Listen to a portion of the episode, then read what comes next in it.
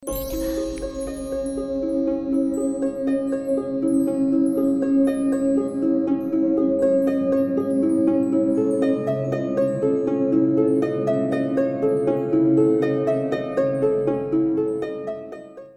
datang dan selamat malam teman-teman. Kembali lagi sama Denny Narator dari Rumah Indonesia. Terima kasih buat kalian yang sudah mampir Mau klik video ini Ataupun kalian yang dengerin ini Spotify Terima kasih ya buat supportnya Apalagi kalau kalian mau menyempatkan diri buat subscribe Di channel Rumah Horor Indonesia ini Dan juga follow kita di Spotify di podcast Rumah Horor Indonesia Nah malam hari ini saya akan membacakan sebuah cerita dari akun Payung Hitam dengan judul Kos Tua Banyuwangi. Selamat mendengarkan. Aku lulus SMK tahun 2018 dengan impian pada umumnya lulusan SMK atau SMA. Aku berusaha sebisa mungkin daftar ke beberapa PTN di luar kota. Tapi akhirnya mungkin belum rezeki. Gak ada satupun PTN yang terima. Karena sudah habis waktu dan juga tenaga, Omku saranin aku untuk kuliah tahun depan aja. Tapi takutnya aku udah males, udah gamut lagi. Akhirnya mau tak mau aku daftar di PTS ternama di kotaku. Ya seperti biasa, aku daftar dan tes langsung keterima. Namanya juga PTS kan. Ternyata aku daftar di PTS itu seminggu sebelum ospek. Sudah benar-benar mepet banget karena aku minim dapat informasi mengenai pendaftaran. Setelah urusan kampus aku langsung cari kos yang aku dapat dari saran temen. Tapi sayangnya kos itu penuh. Tapi ibu kos yang punya kos penuh itu nyaranin aku buat ngekos di depan. Di sana ada kos, siapa tahu masih ada kamar kosong. Aku pikir daripada nggak dapat sama sekali, akhirnya aku langsung gas ke sana. Betul di sana ada kos, tapi bentuk bangunannya tua. Alhamdulillah, ada satu kamar kosong dan langsung aku iakan karena kamar ini lumayan luas dibanding kamar yang lain yang sudah terisi. By the way, aku jelasin denahnya ya. Jadi kamar kos ini berderet lorong dan posisinya punggung-punggungan dengan kamar kos lainnya. Ada dua gerbang juga di kosku ini. Ada gerbang depan dan belakang. Aku kebetulan dapat kamar yang di belakang. Suasananya memang sangat singup atau anyep-anyep gelap beratmosfer serem gitu. Bisa bayangin gak sih? Soalnya nggak tahu bahasa Indonesia-nya apa. Ya maklum karena bangunannya tua. Siang hari pun kalau nggak nyalain lampu bakal gelap. Kira-kira begitulah suasananya. By the way, kamarku ini di lantai satu ya. Karena udah mepet perkuliahan, harga kos yang terbilang murah, dengan fasilitas lengkap. Akhirnya aku bertahanlah di sana. Aku awalnya masih parnoan, jadi nggak mau tidur sendirian. Akhirnya beberapa hari aku tidur di kos temanku. Sudah disaranin sama ibuku buat pindah kos saja. Tapi aku menolak karena takutnya ribet. Di kosku juga murah, jadi aku perlu terbiasa saja. Sudah seminggu aku tidur di kos temanku. Akhirnya aku tidur juga di kos sendiri. Di sinilah aku merasakan hal yang benar-benar ganjil. Di kos belakang ini juga lebih banyak orang yang kerja ketimbang mahasiswi sepertiku. Jadi aku lebih sering sendirian di kos. Kejadian pertama ini tengah malam. Posisinya sekitar jam 10-an kalau nggak salah.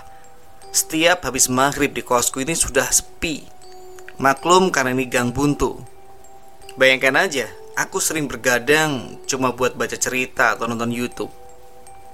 Malam itu aku denger ada yang dorong pintu kamarku kenceng banget. Padahal sudah dikunci. Bener-bener kaget karena suaranya jelas banget. Aku nggak dengar ada langkah kaki apa pun. Karena benar-benar ketakutan, aku memutuskan untuk tidur. Kejadian ini nggak cuma sekali. Memang kalau udah tengah malam di kosku ini sering banget ada orang. Tapi nggak tahu juga sih orang beneran apa bukan yang beraktivitas di depan. Kayak mondar mandir di gerbang, keluar masuk dan lewat depan kamarku, Awalnya aku pikir bapak pemilik kos, tapi setelah aku pikir-pikir lagi, ngapain bapak kos jam segini mondar mandir?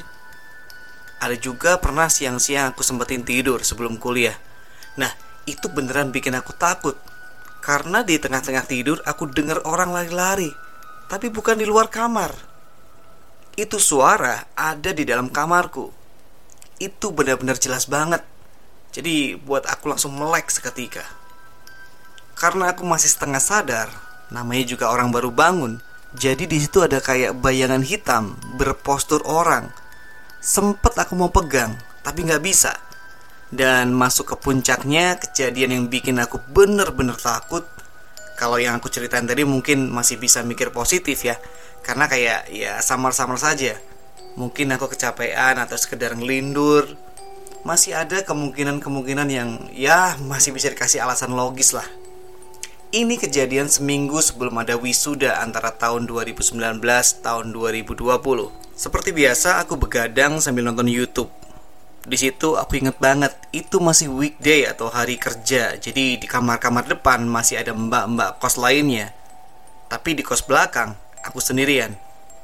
Tepatnya pas jam 23.20 Aku masih inget banget posisinya kebelet pipis. Jadi sekalian cuci muka terus tidur.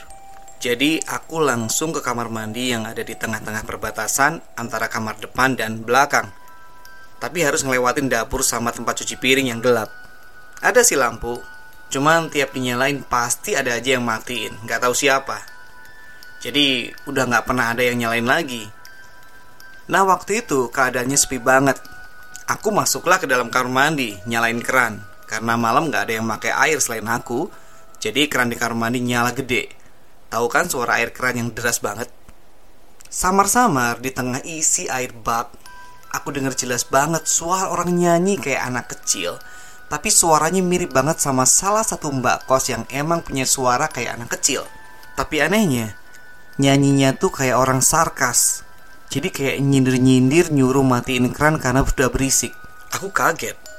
Tengok kanan kiri, terus buru-buru nuntasin urusanku. Setelah itu cabut ke kamar.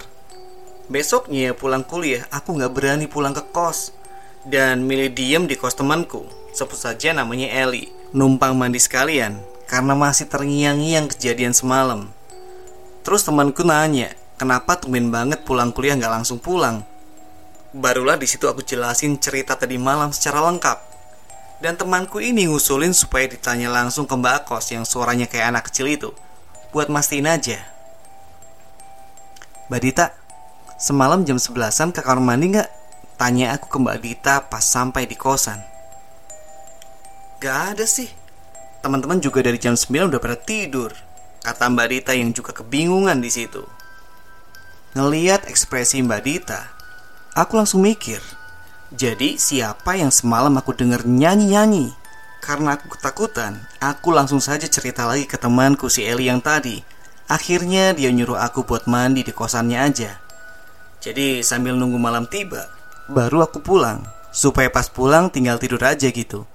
Kejadian ini aku ceritain ke mbak yang kamarnya di sampingku. Lewat chat aja sih. Akhirnya dia cerita juga dan terbuka. Emang dia yang paling lama di kos ini.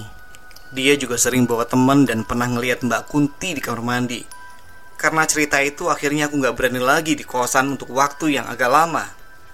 Oh iya, ada dua lagi temanku yang katanya bisa ngerasain ada mereka. Yang satu ini teman ospek jadi jarang ke kos. Cuma beberapa kali saja, tapi dia sering bilang buat pindah kos aja secepatnya. Aku sih cuman iya-iya aja. Dia bilang ada sesuatu di depan pagar bagian belakang sama di rumah kosong pojok depan kos. Dan temanku satunya, ini dia ngalamin yang akhirnya aku bener-bener yakin kalau kos ini memang berhantu. Jadi pas banget Hamin satu wisuda, ada temanku yang satu seprodi niat menginap di kos. Malamnya emang pada nggak ada apa-apa, ya masih aman lah dan kita juga begadang. Nah kejadiannya, besoknya setelah acara temanku ini, niatnya istirahat di kosku biar pulangnya nanti habis maghrib sekalian. Jadi singkat cerita, sudah tepat maghrib.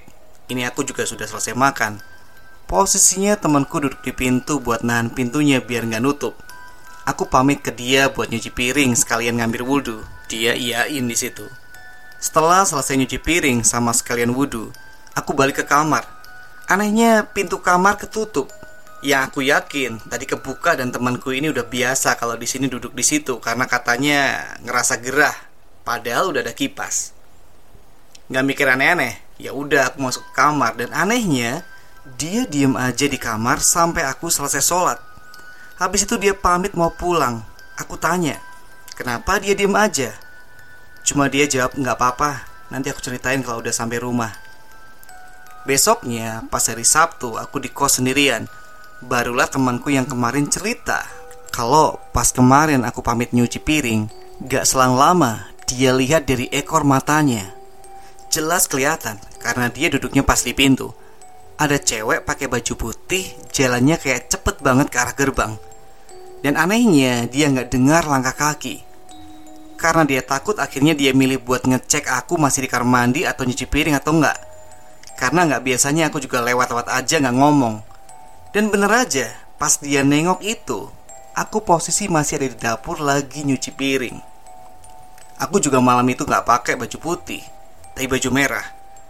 Dia juga cerita pas jalan pulang lewat depan kamar mandi, dia ngerasa nggak enak, kayak ada sesuatu yang beda di daerah sekitar kamar mandi.